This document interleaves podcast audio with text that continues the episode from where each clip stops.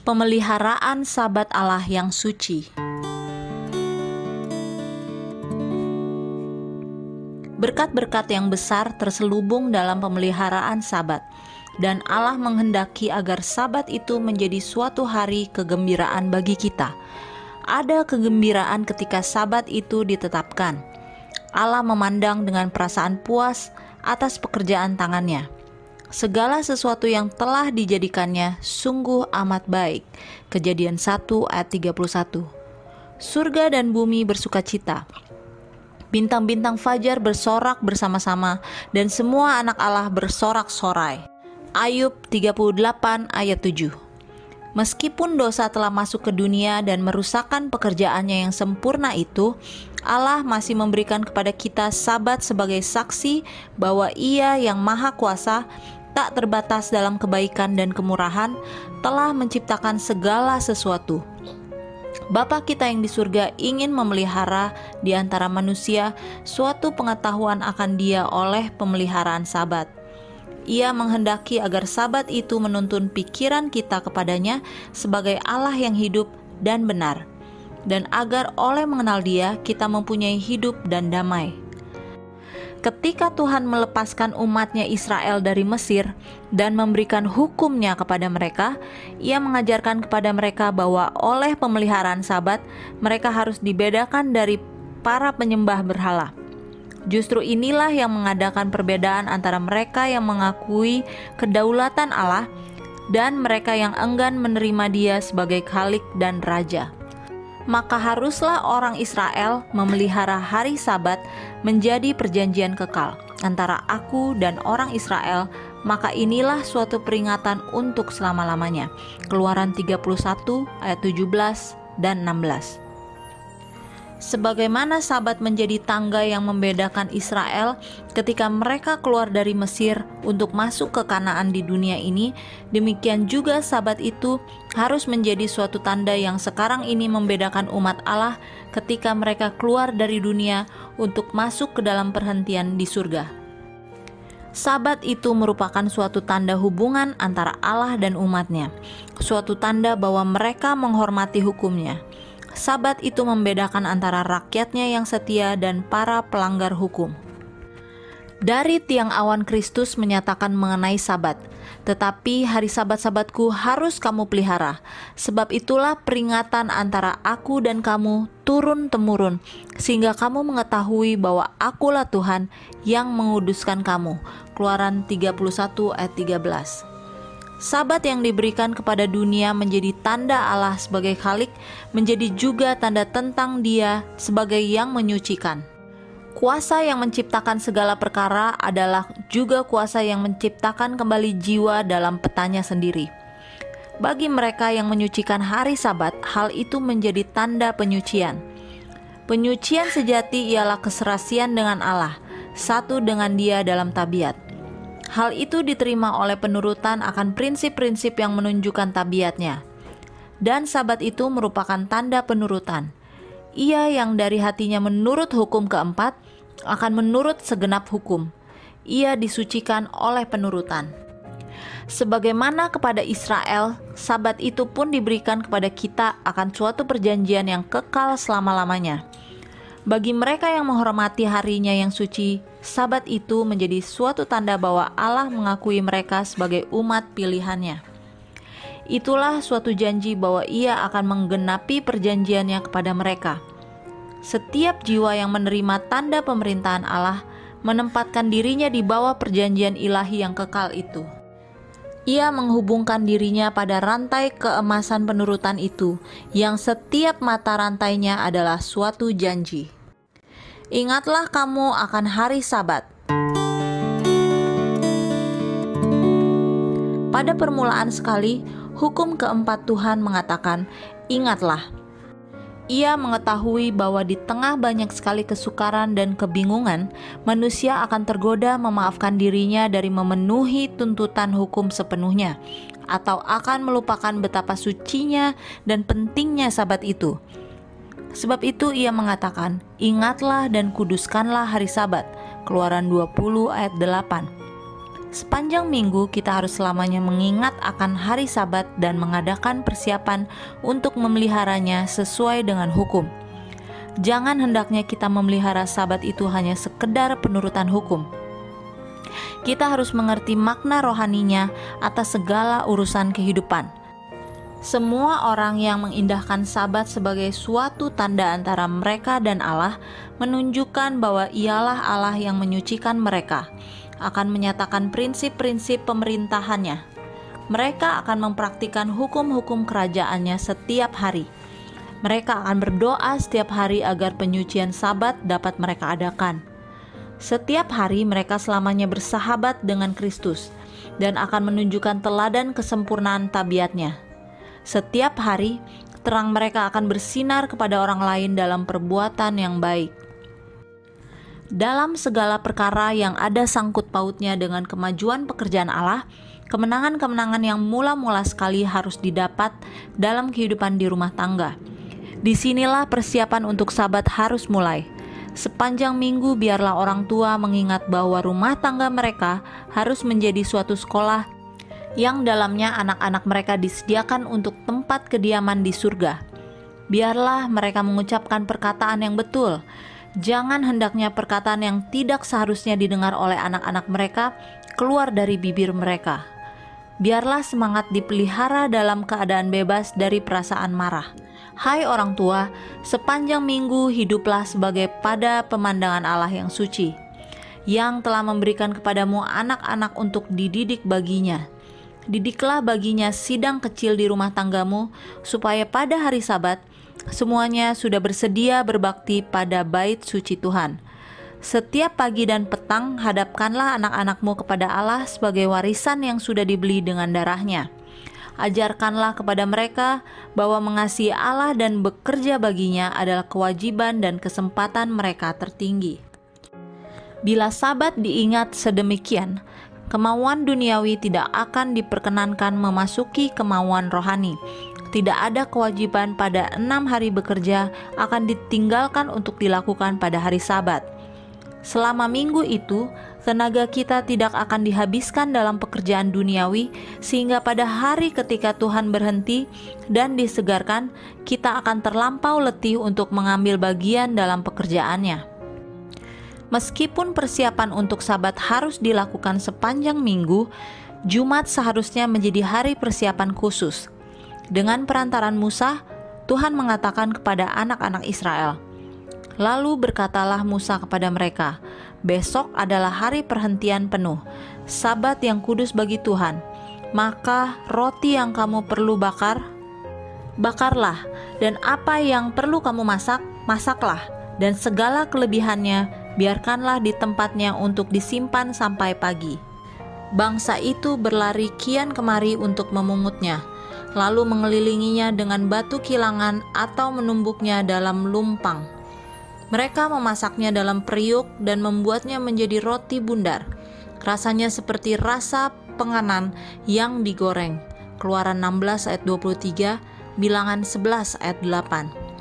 Ada sesuatu yang harus dilakukan dalam menyediakan roti yang dikirim dari surga bagi anak-anak Israel Tuhan mengatakan kepada mereka bahwa pekerjaan ini harus dilakukan pada hari Jumat, hari persiapan.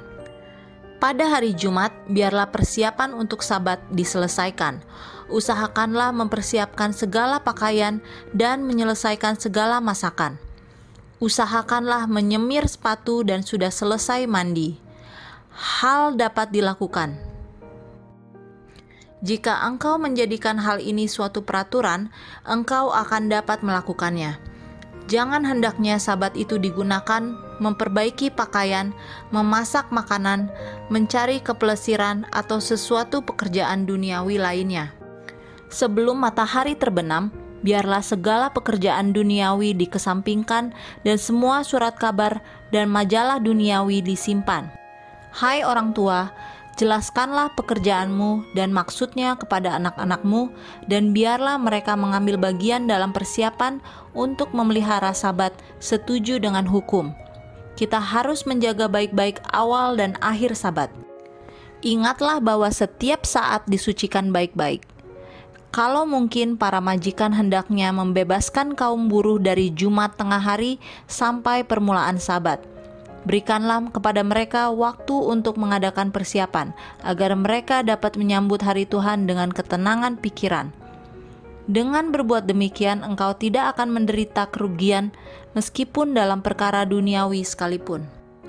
Ada pekerjaan lain yang harus mendapatkan perhatian pada hari persiapan pada hari inilah segala perbedaan paham di antara saudara-saudara, baik di dalam keluarga maupun di dalam sidang, harus dihilangkan.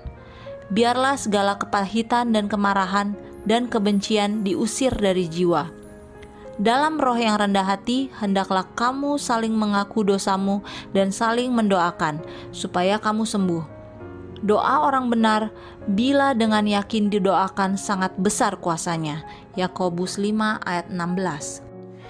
Tidak suatu pun dalam pemandangan surga dianggap sebagai pelanggaran sabat yang suci, ditinggalkan dalam keadaan tidak diucapkan atau tidak dilakukan. Dalam keadaan diucapkan atau dilakukan pada hari sabat, tetapi juga pikiran harus disiplin untuk merenungkan pokok pikiran yang suci. Hukum keempat dilanggar dengan sesungguhnya oleh percakapan perkara-perkara duniawi atau oleh ikut serta dalam percakapan yang dangkal dan tidak penting. Mempercakapkan sesuatu atau segala perkara yang masuk ke dalam pikiran ialah mengucapkan perkataan sendiri. Setiap penyimpangan dari yang benar membawa kita ke dalam perhambaan dan penghukuman. Kebaktian ketika matahari terbenam. Jauh lebih banyak kesucian diberikan pada hari Sabat daripada yang diberikan oleh kebanyakan mereka yang mengaku pemelihara hari Sabat. Tuhan sangatlah tidak dihormati oleh mereka yang tidak memelihara Sabat sesuai dengan hukum, baik dalam penurutan hukum yang tertulis maupun dalam roh. Ia menuntut adanya reformasi dalam pemeliharaan Sabat. Sebelum matahari terbenam, biarlah anggota-anggota keluarga berhimpun untuk membaca sabda Allah untuk menyanyi dan berdoa. Perlu ada reformasi dalam hal ini, sebab banyak orang sudah lengah. Kita harus mengaku kepada Allah dan kepada satu dengan yang lain. Kita harus mulai sekali lagi untuk mengatur agar setiap anggota keluarga mengadakan persiapan untuk menghormati hari yang telah diberkati dan disucikan Allah. Pada kebaktian keluarga, biarlah anak-anak mengambil bagian. Biarlah semuanya membawa Alkitab dan masing-masing membaca satu dua ayat. Lalu biarlah nyanyian yang diketahui dinyanyikan diikuti dengan doa. Untuk hal ini Kristus telah memberikan suatu contoh. Doa Tuhan Yesus bukannya dimaksudkan diulangi hanya sekedar suatu bentuk doa, melainkan merupakan suatu gambaran tentang bagaimana seharusnya doa kita sederhana, sungguh-sungguh, dan luas artinya. Dalam permohonan yang sederhana, ceritakanlah keperluanmu kepada Tuhan dan ucapkanlah terima kasih karena segala kemurahannya. Dengan demikian, engkau mengundang Yesus sebagai tamu yang mendapat sambutan hangat ke dalam rumah tangga dan hatimu. Di dalam keluarga, doa yang panjang tentang segala tujuan yang jauh tidaklah pada tempatnya. Hal ini menjadikan jam minta doa sesuatu yang meletihkan sedangkan saat itu seharusnya dianggap sebagai suatu kesempatan istimewa dan suatu berkat. Jadikanlah saat itu menarik dan menggembirakan. Bila matahari sudah terbenam pada akhir Sabat, biarlah suara doa dan nyanyian pujian menandai berakhirnya jam-jam yang suci, dan undanglah hadirat Allah melalui segala kesulitan minggu bekerja. Memelihara Sabat itu suci bagi Tuhan berarti keselamatan kekal Allah mengatakan, "Sebab siapa yang menghormati aku akan kuhormati." 1 Samuel 2 ayat 30. Jam-jam yang paling suci dalam keluarga. Sekolah Sabat dan perbaktian hanyalah sebagian dari hari Sabat. Bagian sisa bagi keluarga dapat dijadikan saat yang paling suci dan paling berharga dari segala jam Sabat itu kebanyakan waktu harus digunakan oleh orang tua dengan anak-anak. Dalam banyak keluarga, anak-anak yang lebih muda mencari hiburan sendiri karena dibiarkan sendiri. Tidak lama kemudian, anak-anak itu gelisah dan mulai bermain-main dan melibatkan diri dalam suatu kenakalan. Dengan demikian, sabat itu tidak mempunyai arti yang suci bagi mereka. Jika cuaca cerah, biarlah orang tua berjalan-jalan dengan anak-anak mereka di kebun-kebun dan di bawah pohon-pohon yang rindang daunnya di tengah keindahan alam, ceritakanlah kepada mereka pekerjaan penciptaan Allah yang besar itu. Ceritakanlah kepada mereka bahwa ketika bumi ini datang dari tangannya, keadaannya suci dan indah. Setiap kembang, setiap belukar, setiap pohon memenuhi maksud khaliknya. Segala sesuatu yang dipandang mata indah dan memenuhi ingatan dengan pikiran tentang kasih Allah – setiap bunyi adalah musik yang selaras dengan suara Allah. Tunjukkanlah bahwa dosalah yang merusakkan pekerjaan Allah yang besar itu, bahwa duri dan onak, kesusahan dan kepedihan dan kematian semuanya diakibatkan oleh tidak menurut kepada Allah. Suruhlah mereka melihat bagaimana bumi ini meskipun dirusakkan dengan kutuk dosa masih menunjukkan kebaikan Allah. Ladang-ladang yang hijau pohon-pohon yang tinggi, sinar matahari yang menggembirakan, awan-awan, embun, keteduhan malam yang penuh hikmat, kemuliaan langit yang penuh bintang, dan bulan dalam keindahannya. Semuanya menyaksikan tentang Khalik. Tetes hujan yang turun, sinar yang bercahaya ke atas dunia kita yang tidak berterima kasih ini, semuanya menyaksikan tentang kesabaran dan kasih Allah. Ceritakanlah kepada mereka tentang jalan keselamatan, bagaimana Allah mengasihi isi dunia ini, sehingga dikaruniakannya anaknya yang tunggal itu, supaya barang siapa yang percaya akan dia jangan binasa, melainkan beroleh hidup yang kekal. Yohanes 3 ayat 16 Biarlah cerita Bethlehem yang manis itu diulangi. Tunjukkanlah Yesus kepada anak-anak. Sebagai seorang anak yang menurut perintah orang tuanya, sebagai seorang muda yang setia dan rajin menolong menyokong keluarga. Dengan demikian, engkau dapat mengajar kepada mereka bahwa juru selamat mengetahui ujian, kebingungan, dan penggodaan, pengharapan, dan kegembiraan orang-orang muda, dan bahwa ia dapat memberikan simpati dan pertolongan kepada mereka. Sekali-sekali bacalah dengan mereka cerita-cerita yang menarik dalam sejarah kitab suci Tanyakanlah kepada mereka tentang apa yang sudah mereka pelajari dalam sekolah Sabat, dan pelajarilah dengan mereka pelajaran Sabat berikutnya. Pada hari Sabat harus ada penyerahan keluarga dengan penuh hikmat kepada Allah. Hukum meliputi semua orang yang ada di dalam pintu gerbang kita. Semua anggota keluarga harus mengesampingkan segala urusan duniawi dan menggunakan jam-jam yang suci itu dalam perbaktian biarlah semua orang bersatu untuk menghormati Allah dengan acara kebaktian yang menggembirakan pada harinya yang suci. Marilah kita menyembah Tuhan. Kristus telah mengatakan, "Sebab di mana dua atau tiga orang berkumpul dalam namaku, di situ aku ada di tengah-tengah mereka." Matius 18 ayat 20. Bila ada dua atau tiga orang percaya, biarlah mereka berhimpun bersama-sama pada hari Sabat untuk menuntut janji Tuhan. Rombongan kecil pun yang berhimpun untuk menyembah Allah pada harinya yang suci mempunyai hak untuk menuntut berkat Yehova yang limpah itu. Mereka harus percaya bahwa Tuhan Yesus menjadi seorang tamu terhormat dalam perhimpunan mereka setiap penyembah yang benar yang memelihara sabat itu dalam keadaan yang suci harus menuntut janji itu, sehingga kamu mengetahui bahwa akulah Tuhan yang menguduskan kamu. Keluaran 31 ayat 13 Sabat itu dijadikan bagi manusia untuk menjadi berkat baginya oleh mengalihkan pikirannya dari pekerjaan duniawi guna merenungkan kebaikan dan kemuliaan Allah perlu sekali umat Allah berhimpun untuk berbicara kepadanya, bertukar pikiran tentang kebenaran yang terdapat dalam sabdanya, serta menggunakan sebagian waktu untuk berdoa. Tetapi saat ini, kendati pun pada hari Sabat, hendaknya jangan dijadikan membosankan karena terlalu panjang dan kurang menarik. Bila di gereja tidak ada pendeta, seseorang harus ditunjuk sebagai pemimpin kumpulan itu tetapi tidaklah perlu baginya memberikan suatu khotbah atau mengisi sebagian besar waktu perbaktian. Pembacaan kitab suci yang singkat dan menarik sering lebih besar manfaatnya daripada suatu khotbah. Dan ini dapat diikuti dengan kumpulan permintaan doa dan bersaksi. Setiap orang harus merasa bahwa ia mempunyai bagian dalam usaha menjadikan kumpulan sabat itu menarik. Kamu berkumpul bukannya hanya sekedar kebiasaan, melainkan untuk bertukar pikiran, untuk menceritakan pengalaman sehari-hari, untuk mengungkapkan rasa terima kasih, untuk mengucapkan keinginan yang sungguh-sungguh, untuk mendapatkan terang ilahi, agar kamu mengenal Allah dan Yesus Kristus yang telah diutusnya. Berbicara secara mesra mengenai Kristus akan menguatkan jiwa untuk menghadapi ujian dan pergumulan dalam kehidupan Janganlah sekali-kali memikirkan bahwa kamu dapat menjadi orang Kristen, namun mengasingkan diri bagi diri sendiri saja.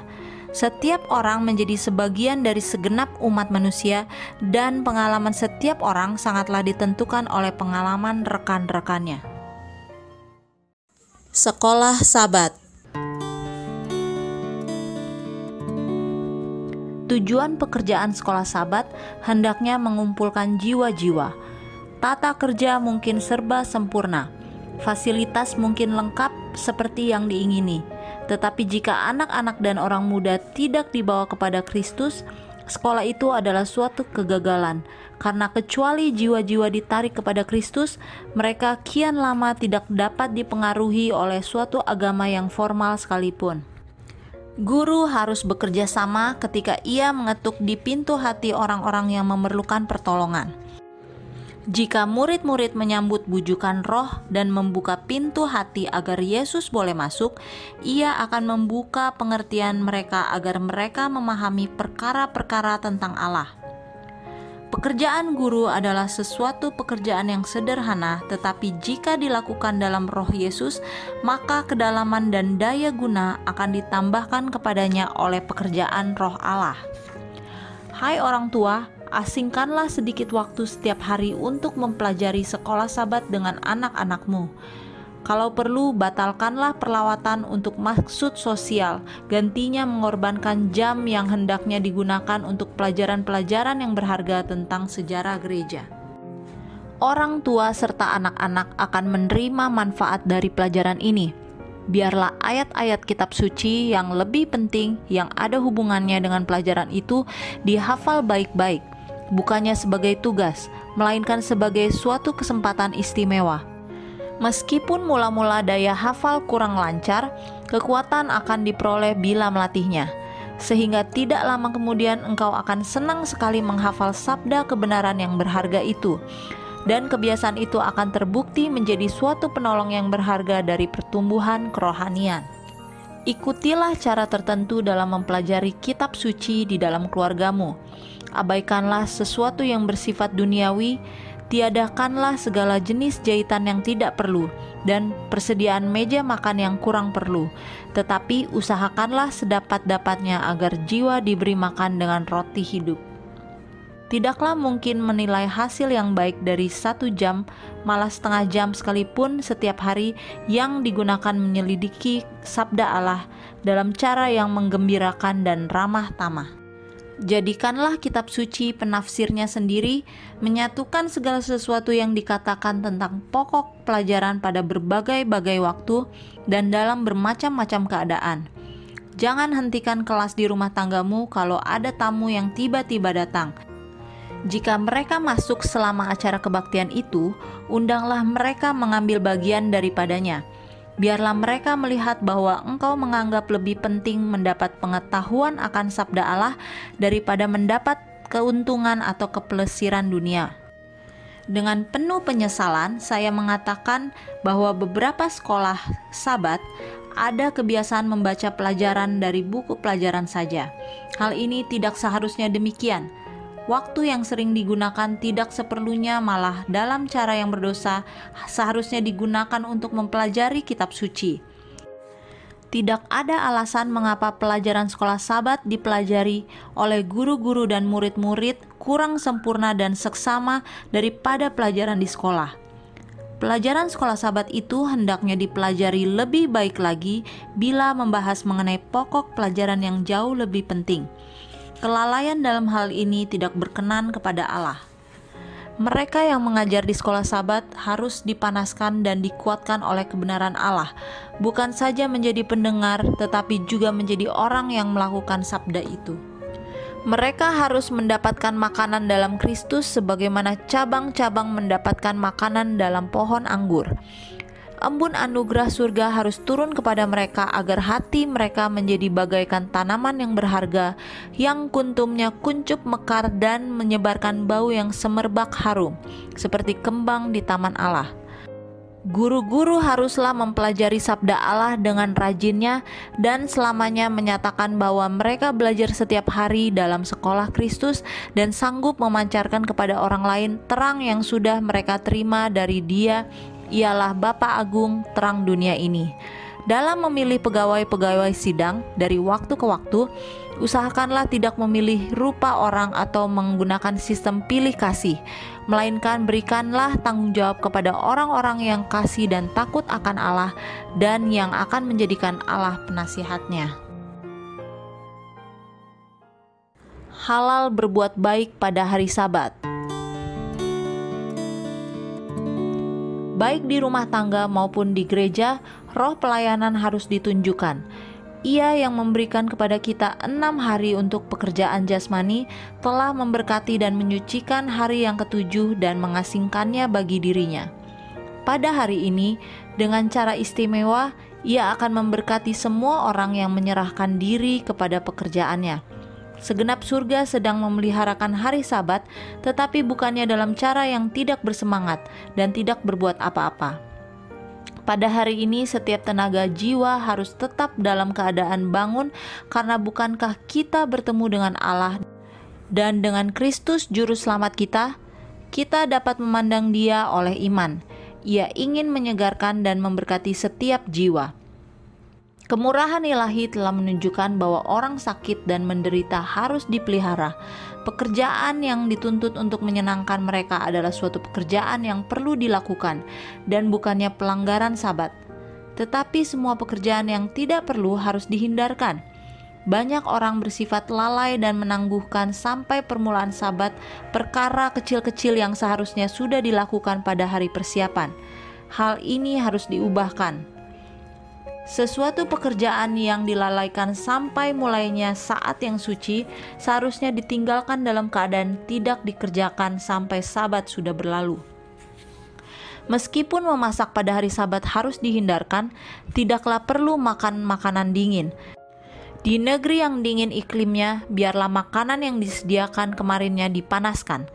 Dan biarpun sederhana saja, biarlah hidangan itu lezat cita rasanya dan menarik Sediakanlah sesuatu yang akan dianggap suatu hidangan istimewa, sesuatu yang tidak biasa dimakan setiap hari.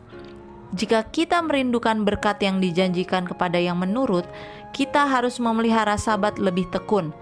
Saya khawatir kita sering mengadakan perjalanan pada hari ini, sedangkan hal itu dapat dihindarkan.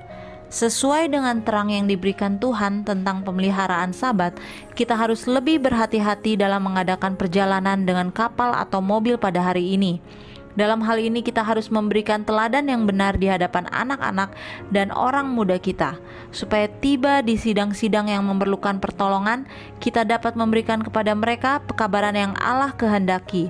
Mungkin perlu bagi kita mengadakan perjalanan pada hari Sabat, tetapi sedapat-dapatnya kita harus menyediakan karcis dan membereskan segala sesuatu yang perlu diatur pada hari lain. Bila memulai sesuatu perjalanan, kita harus merencanakan sedapat-dapatnya agar menghindarkan tiba di tempat tujuan pada hari Sabat. Bila terpaksa mengadakan perjalanan pada hari Sabat, kita harus berusaha menghindari orang-orang yang dapat menarik perhatian kita kepada perkara-perkara duniawi. Pikiran kita harus tetap memikirkan Allah dan berhubungan dengan Dia. Bila ada kesempatan, kita harus berbicara kepada orang lain tentang kebenaran kita harus selamanya bersedia meringankan penderitaan dan menolong mereka yang berkekurangan. Dalam keadaan seperti itu, Allah menghendaki agar kita menggunakan pengetahuan dan akal budi yang telah dikaruniakannya kepada kita. tetapi jangan hendaknya kita bercakap-cakap tentang urusan dagang atau melibatkan diri dalam percakapan yang biasa dan bersifat duniawi. Pada setiap saat dan di segala tempat, Allah menuntut agar kita membuktikan kesetiaan kita kepadanya oleh menghormati hari Sabat. Bersekolah pada hari Sabat. Barang siapa memelihara hukum keempat akan melihat bahwa sesuatu garis pemisah ditarik antara dia dengan dunia.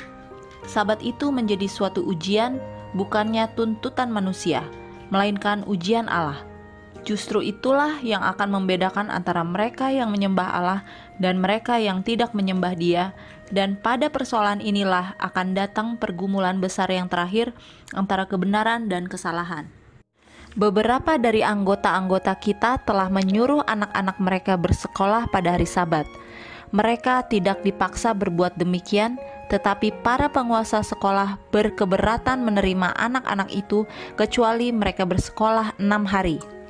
Dalam sekolah-sekolah ini, murid-murid bukan saja diajar dalam cabang-cabang pelajaran yang biasa, tetapi juga diajar melakukan berjenis-jenis pekerjaan, dan di sinilah anak-anak dalam keluarga-keluarga yang mengaku memelihara hari Sabat disuruh bersekolah pada hari Sabat.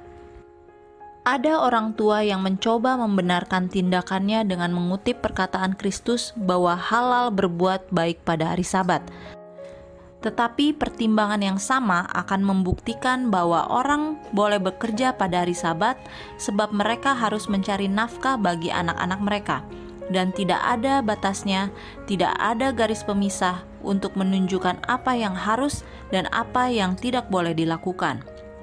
Saudara-saudara kita tidak dapat mengharapkan persetujuan Allah, sementara mereka menempatkan anak-anak mereka di tempat yang tidak memungkinkan mereka menurut hukum keempat mereka harus berusaha membereskannya dengan para penguasa agar olehnya anak-anak akan dimaafkan tidak bersekolah pada hari yang ketujuh. Jika hal ini tidak berhasil, maka kewajiban mereka sudah jelas, ialah menurut tuntutan Allah apa pun akibatnya. Ada pula yang mendesakkan bahwa Tuhan tidaklah terlalu teliti dalam segala tuntutannya bahwa mereka tidak berkewajiban memelihara hari Sabat dengan tekunnya, sehingga menderita kerugian besar, atau menempatkan diri di mana mereka akan dibawa ke dalam keadaan yang berlawanan dengan undang-undang negeri itu. Tetapi justru dalam hal inilah ujian akan datang. Apakah kita mau menghormati hukum Allah melebihi segala tuntutan manusia? Inilah yang akan membedakan antara mereka yang menghormati Allah dan mereka yang tidak menghormati Dia. Justru dalam hal inilah kita harus membuktikan kesetiaan kita.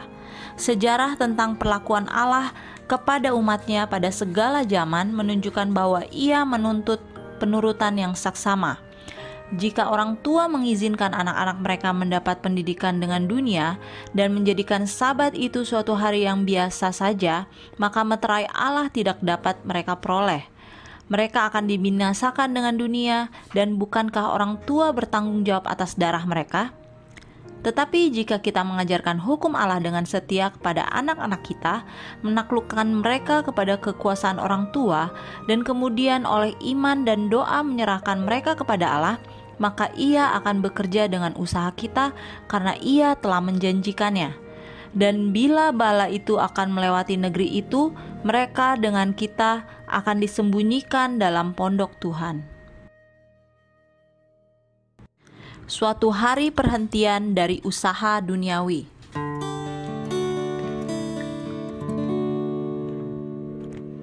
Sungguh merupakan suatu kecongkakan yang paling mencolok bila manusia yang fana memberanikan diri hendak berkompromi dengan yang maha kuasa agar ia memperoleh kepentingan duniawi yang picik bagi dirinya sendiri.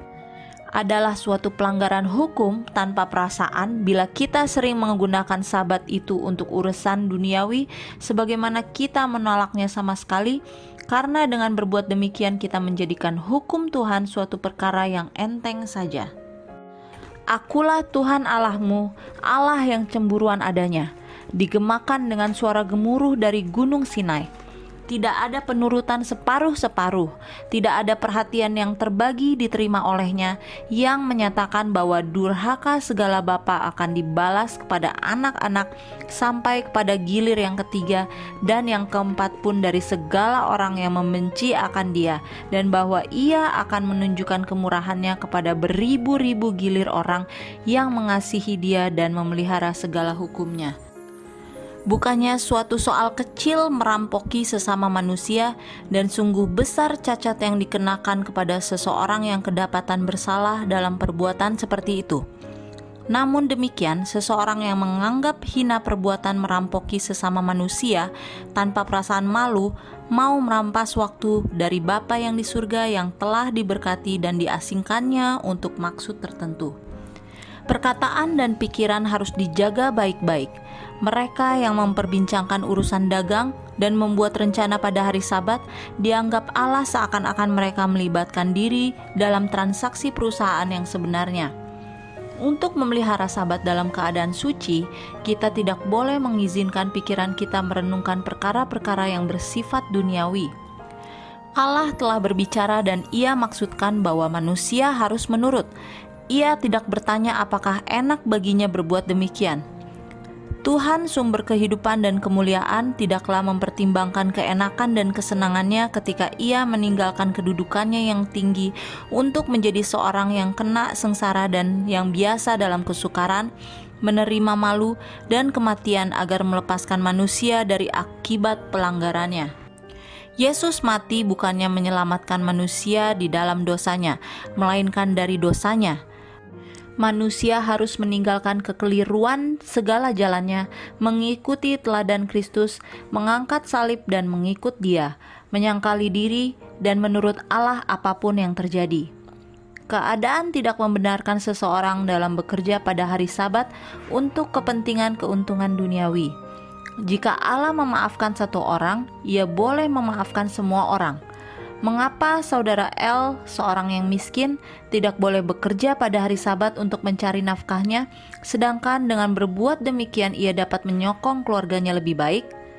Mengapa tidak boleh saudara-saudara yang lain atau kita semua memelihara hari Sabat hanya kalau senang atau enak berbuat demikian? Suara dari Sinai menjawabnya, Enam hari lamanya engkau akan bekerja dan melakukan segala pekerjaanmu, tetapi hari ketujuh adalah hari sabat Tuhan. Keluaran 20 ayat 9 dan 10 Usiamu tidak memaafkan dikau dari menurut perintah ilahi. Abraham diuji keras ketika usianya sudah lanjut. Perintah Tuhan tampaknya mengerikan dan tidak beralasan terhadap orang yang sudah lanjut usianya ini namun ia tidak pernah meragukan keadilannya dan bimbang dalam penurutannya. Sebenarnya ia dapat memohon bahwa ia sudah tua dan lemah dan tidak dapat mengorbankan anak yang menjadi kegembiraan dalam kehidupannya. Sebenarnya ia dapat mengingatkan kepada Tuhan bahwa perintah ini bertentangan dengan janji yang telah diberikan mengenai anak ini. Tetapi penurutan Abraham adalah tanpa persungutan atau penyesalan kepercayaannya kepada Allah mutlak. Para pengerja Yesus harus berdiri sebagai penegur kepada mereka yang gagal dalam mengingat dan menyucikan hari Sabat. Dengan ramah tamah dan sungguh-sungguh, mereka harus menegur orang-orang yang melibatkan diri dalam percakapan duniawi pada hari Sabat dan pada saat yang sama mengaku memelihara Sabat. Mereka harus menganjurkan kepatuhan kepada Allah pada harinya yang suci. Tidak seorang pun merasa leluasa menggunakan waktu yang disucikan dalam cara yang tidak menguntungkan. Allah tidak berkenan dengan para pemelihara sabat yang tidur selama hari sabat. Mereka tidak menghormati kalik dalam berbuat demikian dan oleh teladan mereka mengatakan bahwa keenam hari kerja terlalu berharga bagi mereka untuk digunakan dalam istirahat mereka harus mencari uang, meskipun mereka terpaksa menggunakan jam tidur yang sepatutnya, yang mereka tebus oleh tidur selama waktu yang suci. Kemudian mereka memaafkan diri dengan mengatakan, "Hari Sabat diberikan untuk hari perhentian. Saya tidak mau meniadakan istirahat saya untuk menghadiri kumpulan, karena saya perlu istirahat." Orang seperti itu menggunakan salah hari yang disucikan itu. Terutama pada hari itu, Mereka harus memberikan minat kepada keluarga mereka dalam pemeliharaannya dan berhimpun di rumah sembayang dengan sedikit orang atau banyak orang. Bagaimana keadaannya saja, mereka harus mencurahkan waktu dan tenaga untuk acara rohani agar pengaruh ilahi yang terdapat pada hari Sabat dapat menyertai mereka sepanjang minggu. Dari segala hari sepanjang minggu, tidak ada yang begitu cocok untuk pikiran dan perasaan peribadatan, sebagaimana halnya dengan hari Sabat.